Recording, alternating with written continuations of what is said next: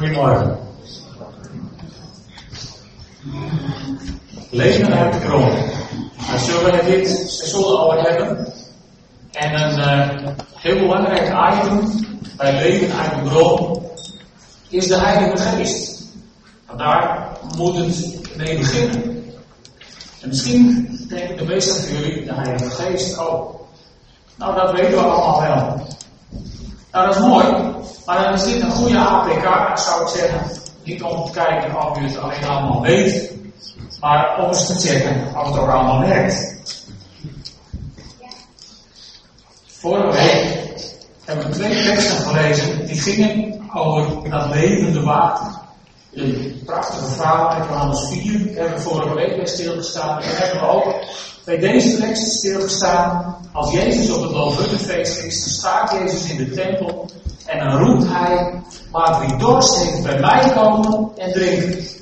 En dan belooft hij, de rivieren van levend water zullen stromen uit het hart van wie in mij gelooft. Zo zegt de schrift. En uh, Johannes die legt dan uit hiermee bedoelde Jezus, bedoelde Jezus op de Heilige Geest of op de Geest die zij die in hem geloofden zouden ontvangen. De Geest was er namelijk nog niet, want Jezus was nog niet tot Gods majesteit verheven.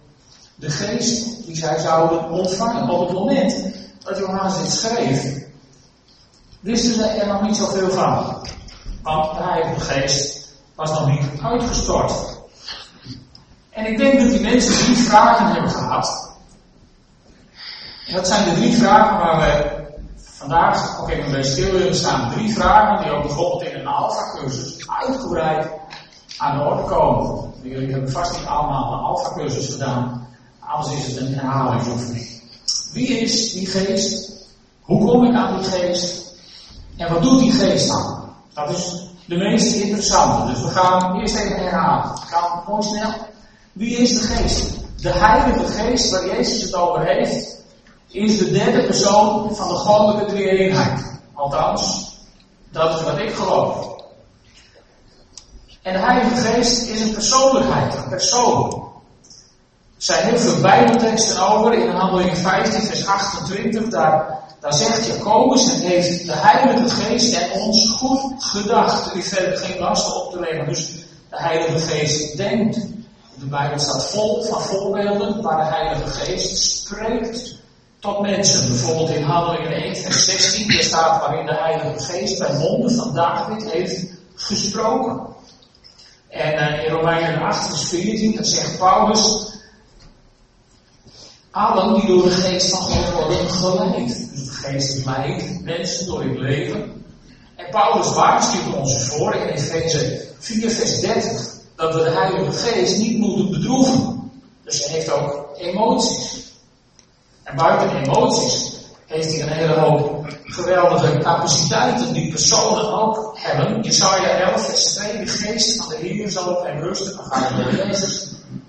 Geest van wijsheid en inzicht, een geest van kracht en verstandig beleid, een geest van kennis en eerbied voor de Heer. Kortom, allemaal persoonlijkheidskenmerken die aan de Heilige Geest worden toebedacht. we hebben te maken niet met een goed gevoel. We hebben niet te maken met iets schreeuwerigs, iets blauwe hinein.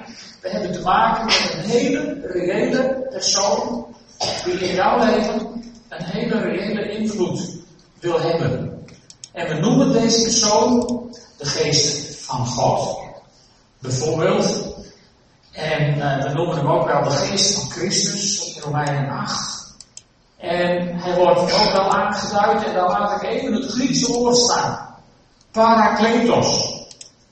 En Jezus die heeft het over die parakletos in, in Johannes 14, vers 16. In de NPV-vertaling staat, dan zal ik de Vader vragen jullie een andere pleitbezorger te geven. Een soort advocaat. De NBG zegt, zal de Vader willen dat hij u een andere trooster geeft in het boek staat, ik zal de Vader bidden of hij een plaatsvervanger wil sturen. De Grote Nieuwsbijbel heeft het gewoon over een ander. En de Naardensbijbel die heeft het over een andere gids en helper. Allemaal legitiem vertalingen van het woord parakletos. Vertroosten, bemoediger. Zelf vind ik het mooiste voorbeeld altijd in het goede Nederlandse woord coach. Als je bij een sportwedstrijd staat, dan staat er zo'n figuur langs de kant. Bij een voetbalwedstrijd is dat de enige die een fatsoenlijk pak aan heeft. En die staat daar te roepen en te schreeuwen en zich ermee te bemoeien. En dat is de coach.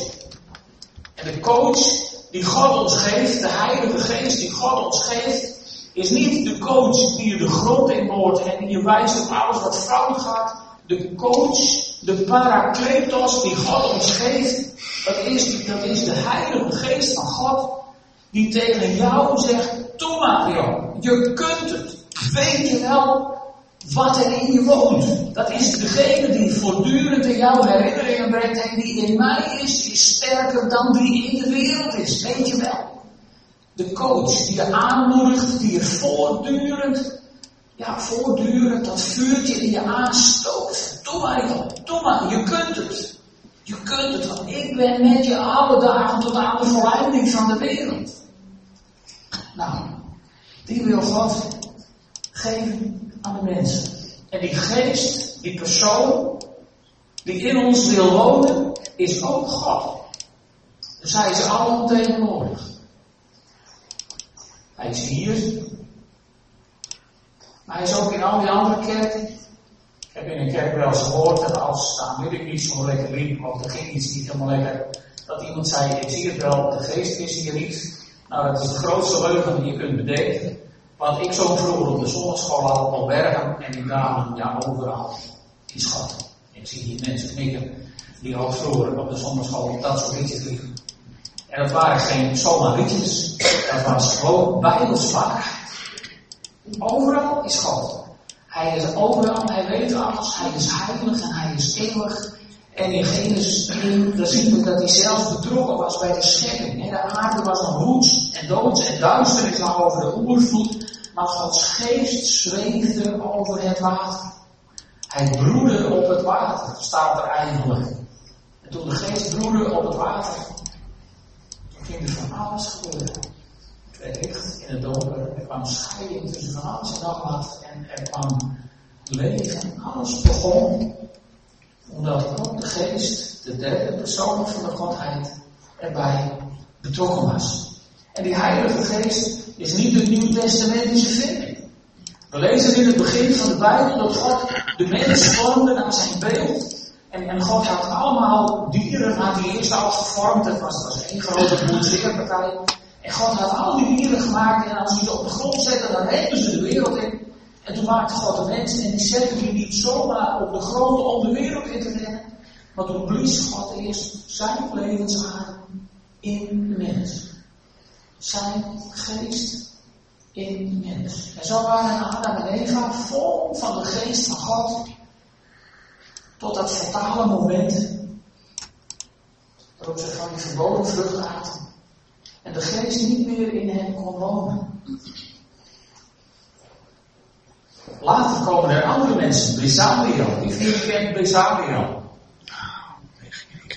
Nou, sommigen mensen kennen Besaliel Besaliel, wie was Besaliel? Nou, Besaliel was een hele eenvoudige stedenbakker. Een van die Israëlieten die uit Egypte geleid werd door Mozes. Nou, die had niet gestudeerd, die had alleen maar stenen gebakken en sleepwagen gehad als het niet hard genoeg ging. Dat was de opleiding van Besalia. En dan moet er een ark gebouwd worden. En deze man, Besalia, die maakt de mooiste, meest kunstzinnige dingen. Onvoorstelbaar. En hoe komt het nou? Dat komt omdat God zei tegen Mozes, zie ik heb met name geroepen Bezaliel, de zoon van Uri, de zoon van Hur, van de stam van Juda. Ik heb hem vervuld met de geest Gods. Met wijsheid, met alle verstand, met wetenschap, nou in alle handwerk. Dat is nog eens een korte studie, daar krijg je nooit heel lang studie moeten voor. Dat is zo verantwoordelijk. Dat is wat de Heilige Geest ook kan.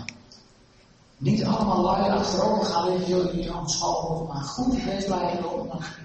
In doorsnede werkt het anders.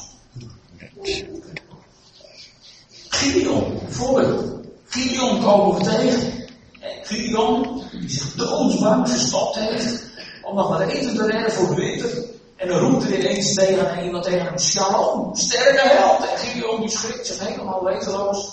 Want die dacht dat hij veilig en alleen was. En die sterke held, met bibberende knieën, heeft hij een ontmoeting met een engel van God. En later is dat degene die met 300 man een machtige vijand verslaat. En hoe kan dat?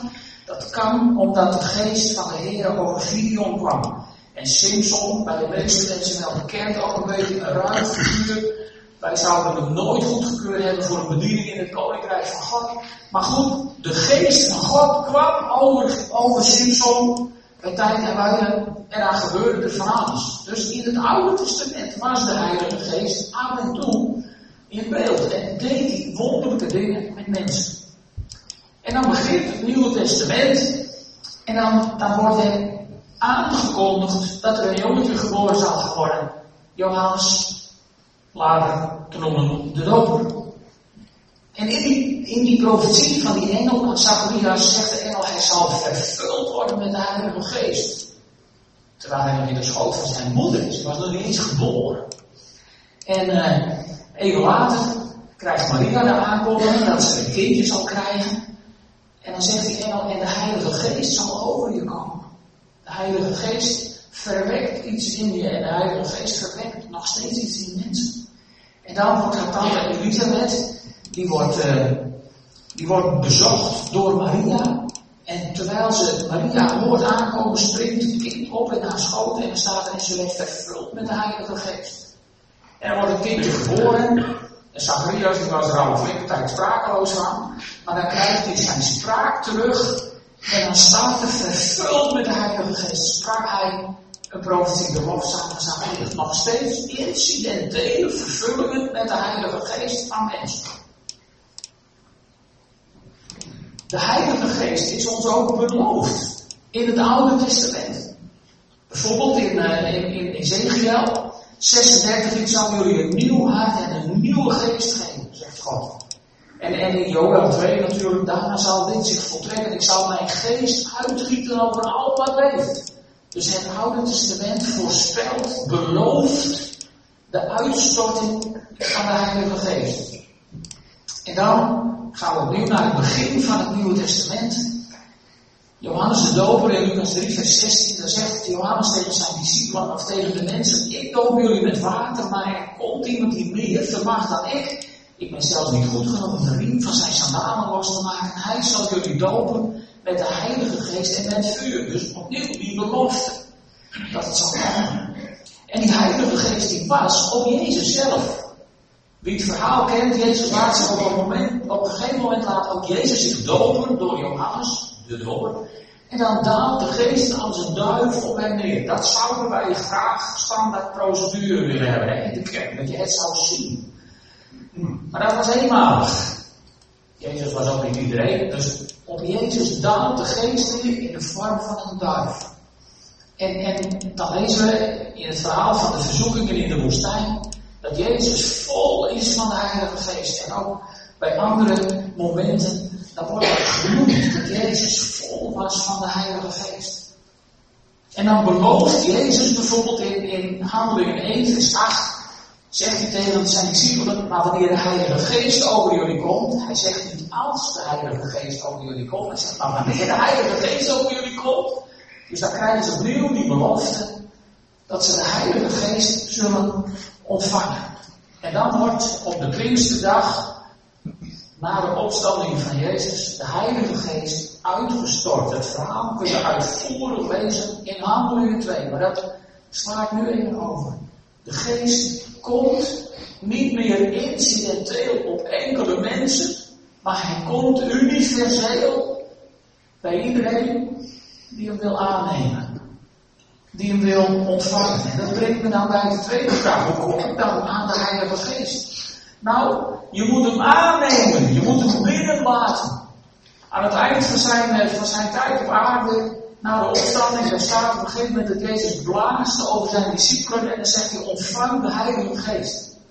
Misschien kregen ze hem toen wel, maar ik denk eerder dat ze de opdracht kregen om de Heilige Geest te ontvangen. Met Het Griekse woord dat daar gebruikt wordt is het woord lambano. En dat betekent dat je niet zegt van nou, de Heilige Geest wordt je bezorgd in een doosje en zegt nou, zeg daar maar Maar de betekenis van het woord is dat je actief de Geest ontvangt en binnenhaalt als het ware in je hart.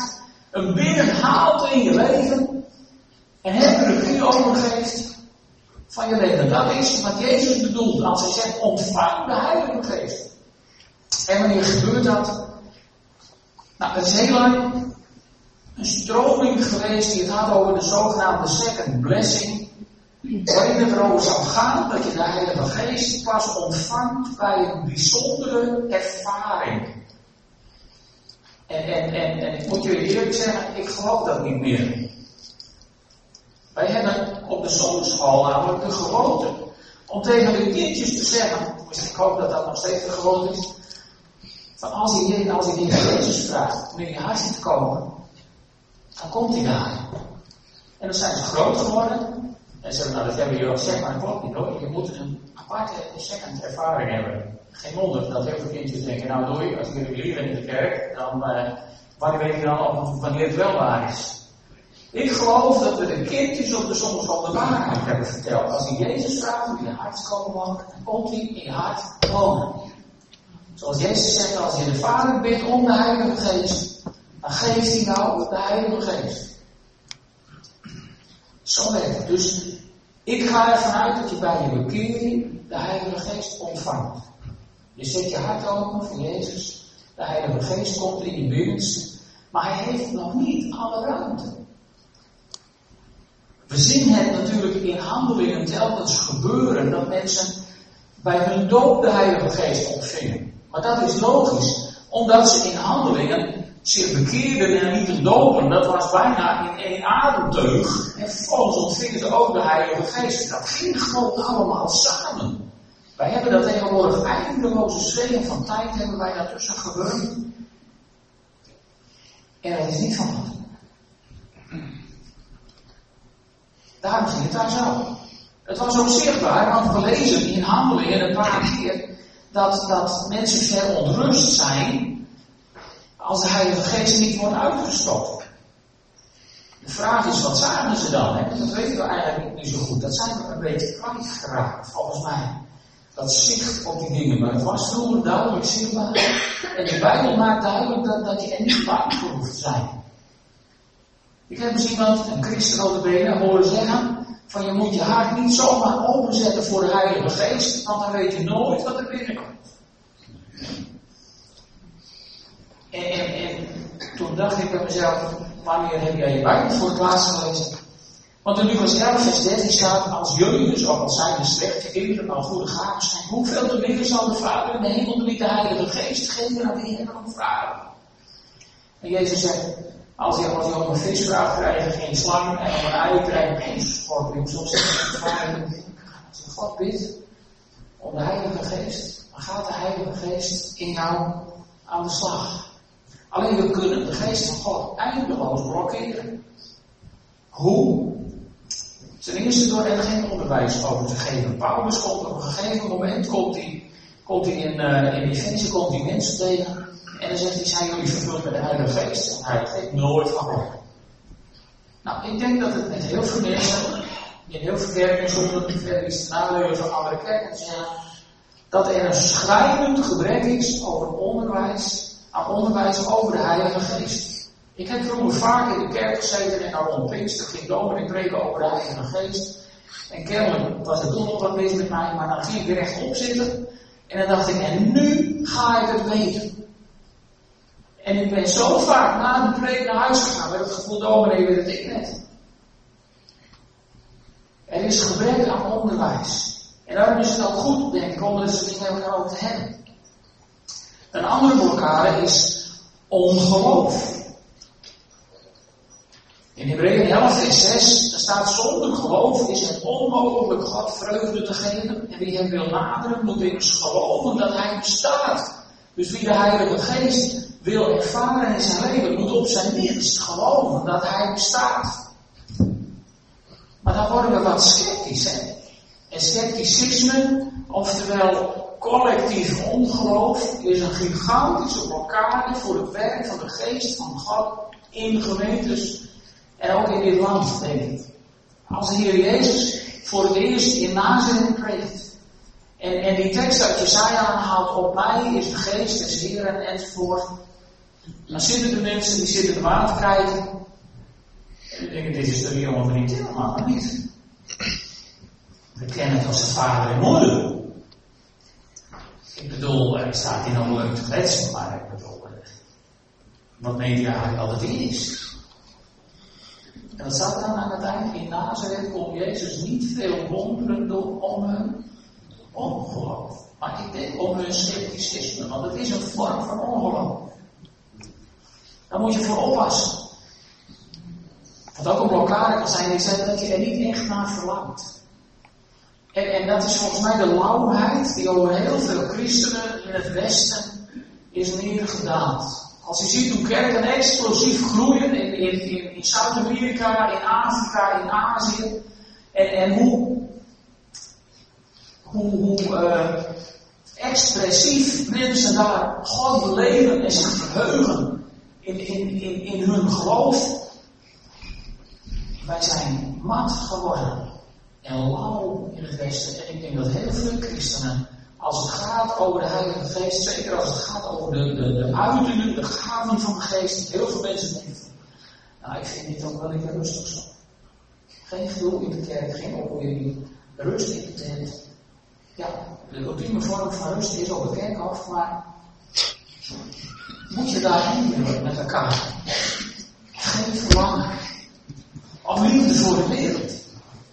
In Jacobus 4 vers 4 zegt Jacobus, beseft u dan niet dat vriendschap met de wereld vijandschap jegens God betekent? Dus daar moet je voor oppassen. Liefde voor de wereld. Je moet de wereld wel lief hebben zoals Jezus de wereld lief had. Hij ging ook leven met zondaars en, en. Maar het was altijd bedoeld om ze te redden. Dat is iets anders dan, dan wat hier met liefde voor de wereld bedoeld wordt. Onbeleden zonden. Psalm 51, daar zegt David vanaf vers 9, sluit uw ogen voor mijn zonden en door heel mijn schuld niet schep, o God, een zuiver hart in mij, vernieuw mijn geest, maak mij standvastig, verban mij niet uit uw nabijheid, neem heilige geest niet van mij weg. Red mij, geef mij de vreugde van vroeger, de kracht van een sterke geest. Dan wil ik verdwaalde uw wegen leren en zullen zondaars terugkeren tot u. David beleidt in die psalm zijn zonde. En hij zegt, zolang ik zwijg, kwijnt mijn geweten weg. Ongelegen zonde. Je hoeft je zonde niet aan iedereen zomaar te beleiden. Sommige mensen denken dat je alles maar aan iedereen opbieden. Dat is niet zo. Als je zonde in je leven hebt, ongelegen zonden, daarmee moet je bij God zijn. Tenzij je iemand anders tekort hebt gedaan, dan moet je nadat je bij God geweest bent, ook bij een ander zijn. Maar daar helpt God je ook mee en die leidt je daar wel in. Aan de andere kant zijn er ook mensen bang voor intimiteit met God. En dat is op zich heel begrijpelijk. Volgens mij ook een, een, een, een, een groot probleem in deze tijd. Want er zijn zoveel mensen beschadigd in hun intimiteit dat je heel huiverig kunt zijn om intimiteit met God toe te laten in je leven. Angst. Maar als je God vraagt om een vis, geeft hij je geen slang of een schorpioen. Jij mag God vragen om zijn geest in jouw leven. En dan zal die geest er zijn. Iets anders is controle, de, de, de, de behoefte om zelf de controle te houden. En weet je, de geest van God is, is net als Jezus en de Vader, ze zijn één. De geest van God is een gentleman. En als jij zegt, nou fijn dat het in mijn hart wonen, ik heb hier een klein kamertje, dan mag logeren, maar ik wil de deur voor de zekerheid op slot, dan zal de geest daar niet tegen protesteren, dan zal hij daar rustig zijn. En ik zie het wel. Maar geen wonder dat er weinig van merkt. Als je nou het kamertje open zet en tegen de geest van God zegt, luister, dit hele huis is van u. En moet ik in de logeerkamer zetten, maar dan ga je ook in de logeerkamer. Maar dat hoeft dan helemaal niet als wil je werken. Dat de geest van God vriendelijk is en liefdevol en genadig. En blij omdat hij ruimte krijgt in je leven. En wat gaat er dan gebeuren als de geest van God ruimte krijgt in je leven? Nou, dan ga je ten eerste beleven wat het betekent om opnieuw geboren te worden. Of opnieuw geboren te zijn. Dan gaat Theo in oktober een keer met ons overheen. Je gaat ook beseffen, ervaren dat je een kind van God geworden bent. Dat, uh, dat wordt ons beloofd in Romeinen 8. Allen die door de geest van God worden geleid zijn kinderen van God. Je hebt de geest niet ontvangen om opnieuw als slaven in angst te leven. U hebt de geest ontvangen om Gods kinderen te zijn. En om hem te kunnen aanroepen met Abba, Vader. Papa, zo mag je in de armen van de Vader storten. Dat is wat de Heilige Geest bewerkt in je leven. De Heilige Geest overtuigt ook van zonde en voert je in de waarheid. Dat hoeven wij niet te doen. We hoeven elkaar niet achterna te zitten met alles wat nog beter moet in je leven. De Heilige Geest overtuigt je van zonde en voert je in de waarheid. Ook over het hoofdstuk dopen overtuigt de Heilige Geest je en voert je in de waarheid. Weet je, vorige week hebben we stilgestaan bij dat verhaal van Jezus en die vrouw bij de bron. En, en dan, toen hebben we gezien dat die vrouw op een gegeven moment de discussie zocht met Jezus. En zei, is het nou mijn berg of is het jouw Jeruzalem? Waar moeten we aanbidden? En dat heb ik jullie laten zien, Jezus geeft daar geen antwoord op. Hij negeert die vraag volkomen. En hij zegt, joh, je moet aanbidden in de geest en waarheid. En er komt de tijd dat het licht waar je dat doet. En, en, dat heeft me de hele week achtervolgd. Jullie dachten natuurlijk dat ik dat prachtig had bedacht en uitgewerkt, maar dat overviel mij ook tijdens de preek. En ik heb dat de hele week bij me gedragen. En gedacht, hoe zou het zijn als wij voor Jezus zouden zitten en zeggen, Heer, moet ik nu gesprenkeld of verdonderd worden. En ik wil het heel ondeugend, maar vermoedelijk zeggen. Ik denk dat Jezus ons aan zal kijken met zijn grote bruine ogen. En zou zeggen dat jullie je daar dan druk op maken. Het moet geest en waarheid zijn. En als wij Jezus zouden vragen, Jezus, mag ik nou maar één keer gedoopt worden? Of mag ik misschien ook na mijn kinderdood als volwassene nog een keer ondergedompeld worden?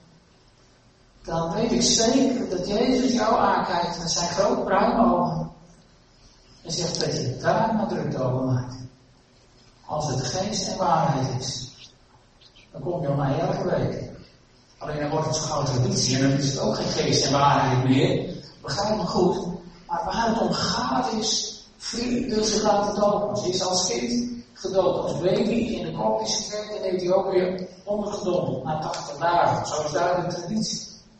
Maar het verlangen in haar hart, dat was er om, om zich als volwassene helemaal aan God te geven. Heeft ondertussen ook nog een keer ergens beleidenis gedaan. Maar dit verlangen, dat is het. En, en, en ik heb dat geproefd in het contact wat we hadden. Dat het een verlangen is in geest en waarheid. En moet je je dan op druk maken over de eerste, of de tweede, of de derde keer. Wel als kind, niet als kind, wel beleidenis, geen beleidenis. Wel nee Dan is Jezus degene die vrij heeft aangegeven. Geest en waarheid. Kom maar. Wees water. En als jij worstelt met de dood, dan denk ik dat je eens goed moet realiseren dat de Heilige Geest al heel lang in jouw hart aan het werk is. En dat de Heilige Geest in jouw hart aan het zoeken is van wat houd je nou toch tegen? Ben je bang voor mensen? Durf je hier niet die ene keer te staan? Is dat dan geest en waarheid? Volgens mij maakt de waarheid je vrij en is er geen plek voor angst. Dus dat even over de dood. De geest overtuigt je wel. Laat je niet door mensen onder druk zetten. Op het moment dat je je gaat laten om ergens bij te mogen horen of om iets, een bepaalde functie te mogen krijgen, ook dan is het geen geest en waarheid. Met alle respect, maar ook dan is het leugen. En ik denk na de les van vorige week dat Jezus aan één ding heen geleefd en dat is aan leugen. Dingen die niet waar zijn, niet zuiver zijn, niet uit de geest zijn. Dan is het veel, veel meer de ziel geworden. Geest en waarheid. Als die geest in jouw leven de ruimte krijgt, dan zegt Paulus in Galaten dat de geest ook vrucht zal voortbrengen. Galaten 5 vers 22. De vrucht van de geest is liefde, vreugde, vrede, geduld, vriendelijkheid, goedheid, geloof. Verschillende partjes van één sinaasappel eigenlijk. Niet allemaal aparte vruchtjes, maar het hoort bij elkaar. De vrucht van de geest, die gaat in groeien. Die wordt je niet als complete vrucht uit de hemel toegeworpen, maar dat zo ben, maar die groeit langzaam in je leven. En die ontwikkelt zich, en dat is een werk van de Heilige Geest als jij het toelaat. Maar zolang je rond blijft lopen, nou ja, ik ben nog een keer zo, dan hou je vast aan de leugen. Je bent nog een keer niet zo. Nee, je bent zo gemaakt. Omdat je bed, bed, bed, bed, bed ook groot door de verkeerde van de boven. En dan opwacht. Daarom ben je zo geworden. Je bent niet zo. Je bent oorspronkelijk bedoeld als een schepping Gods naar zijn beeld en zijn gelijkenis. En dat wordt je weer doordat de vrucht van de geest in jou de ruimte krijgt om te groeien. De geest maakt ook één. Dat moet je vooral eens uitproberen onder andere gelovigen. Zie je naar de koffie, dan is dat niet zo moeilijk. Maar door de week is een keer met een andere kerk. En de geest maakt één. Moet je maar eens opletten.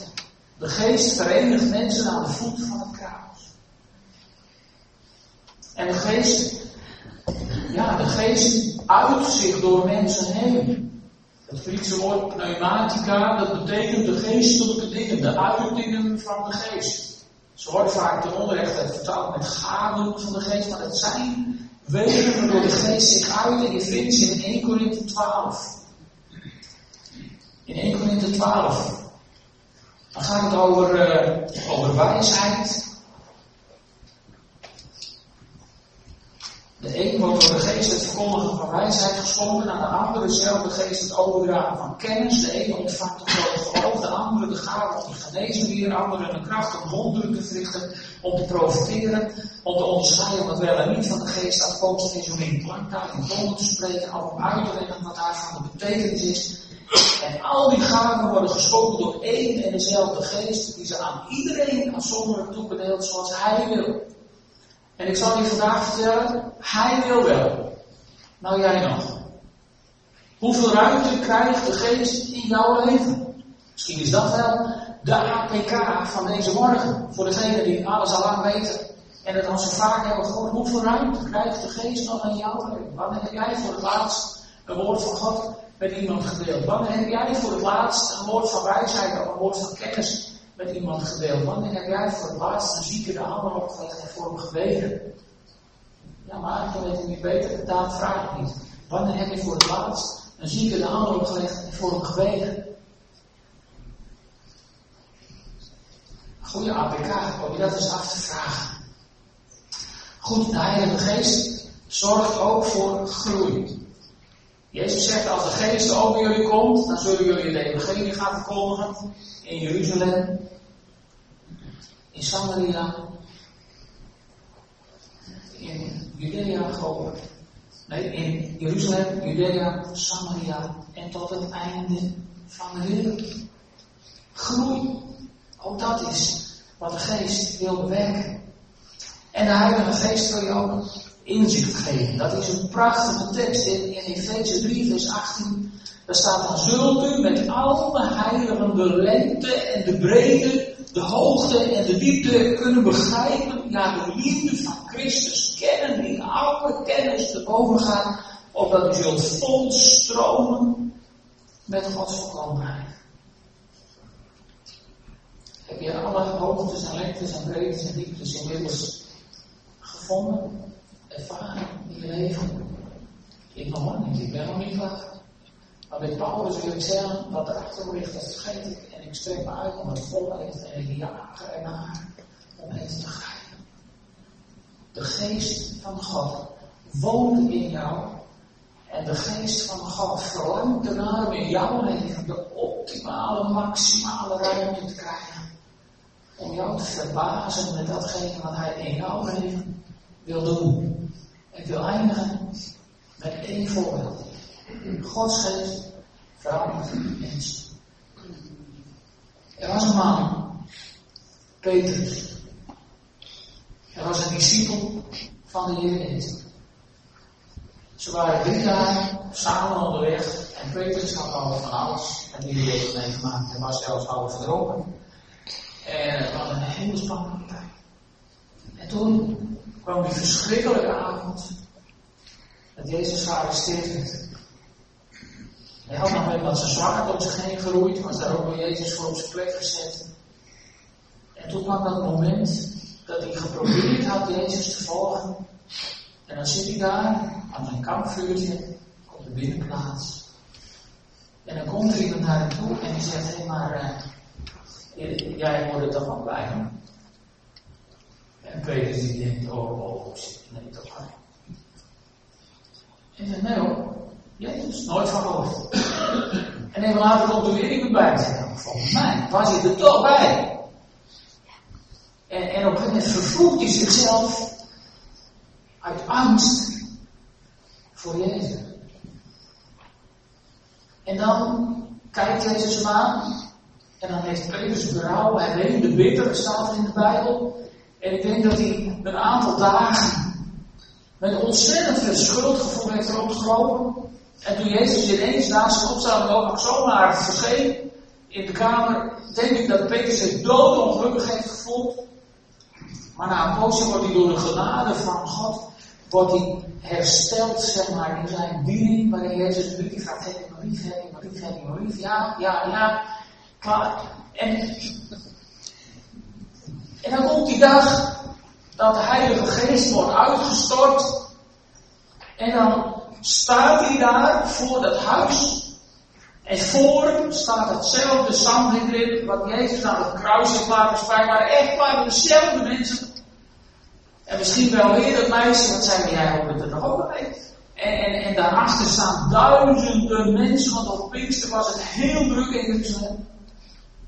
En die roepen allemaal, wat gebeurt hier? Wat is hier aan? En, en de geestelijke brandweer was in aantocht gemaakt. Allemaal heel weten. En dan, dan diezelfde Petrus, die roept van Jezus nooit van gehoord. Diezelfde Petrus, die stapt naar voren. En die zegt, luister eens beste mensen. Dit is wat er aangekondigd is door de profeet. en vervolgens houdt Petrus de preek van zijn leven. Zonder laptop en zonder PowerPoint. En zonder MBV-vertaling. Zelfs zonder voorbereiding. Houdt hij de preek van zijn. En dat was dezelfde man. Die voor de uitstorting van de Heilige Geest. Niet durfde te bekennen dat hij bij Jezus hoorde. Gods geest verandert mensen. En als jij veranderd wil worden, heb je één hele suggestie. Zeg dan vandaag tegen de geest van God. Hier ben ik. U hebt, wat mij betreft, alle ruimte. Alle ruimte. Voor hetzelfde eindig je straks in het water.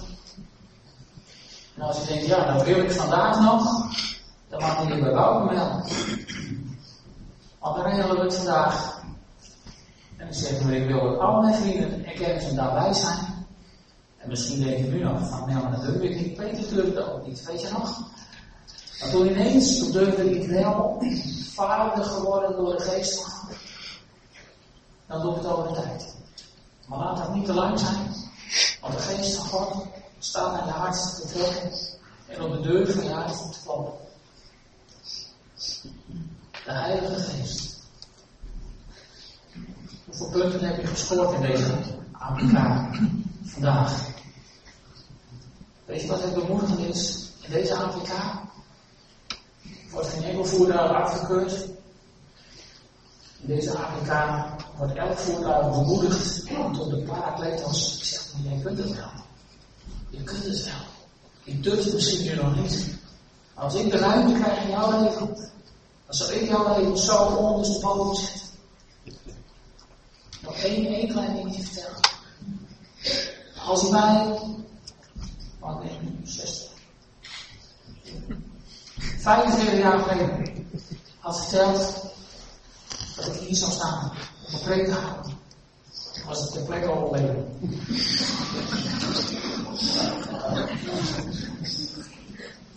Echt waar, als ik een spreekbeurt moest houden, dan stuurde ik duizend doden. En nu, ik zal het maar direct uit mijn hart zeggen. Er is één leuke plek in de kerk. En dat is hier. Gods geest verandert mensen. Zou jij veranderd worden? Weet je, toen ik wilde jong, die zit in aan te gaan, toen toen ik die voor het eerst tegen de blij liep. Ik dacht, de boeks, maar geen man.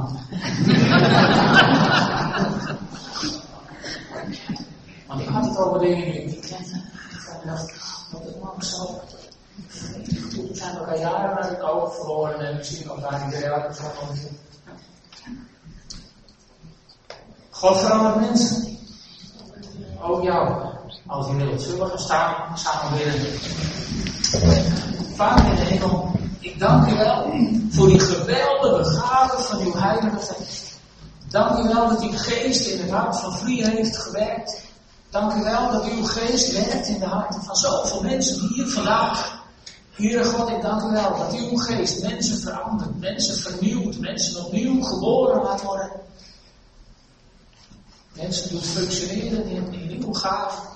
Dank u wel voor de vrucht van uw geest die groeit in ieder van ons. En ik bid u, Heere God, wilt u overtuigen, wilt u harten aanspreken, wilt u duidelijk maken, Heer, wat er in elk van onze levens nog rechtgezet moet worden. Heer, ik wil buigen voor u.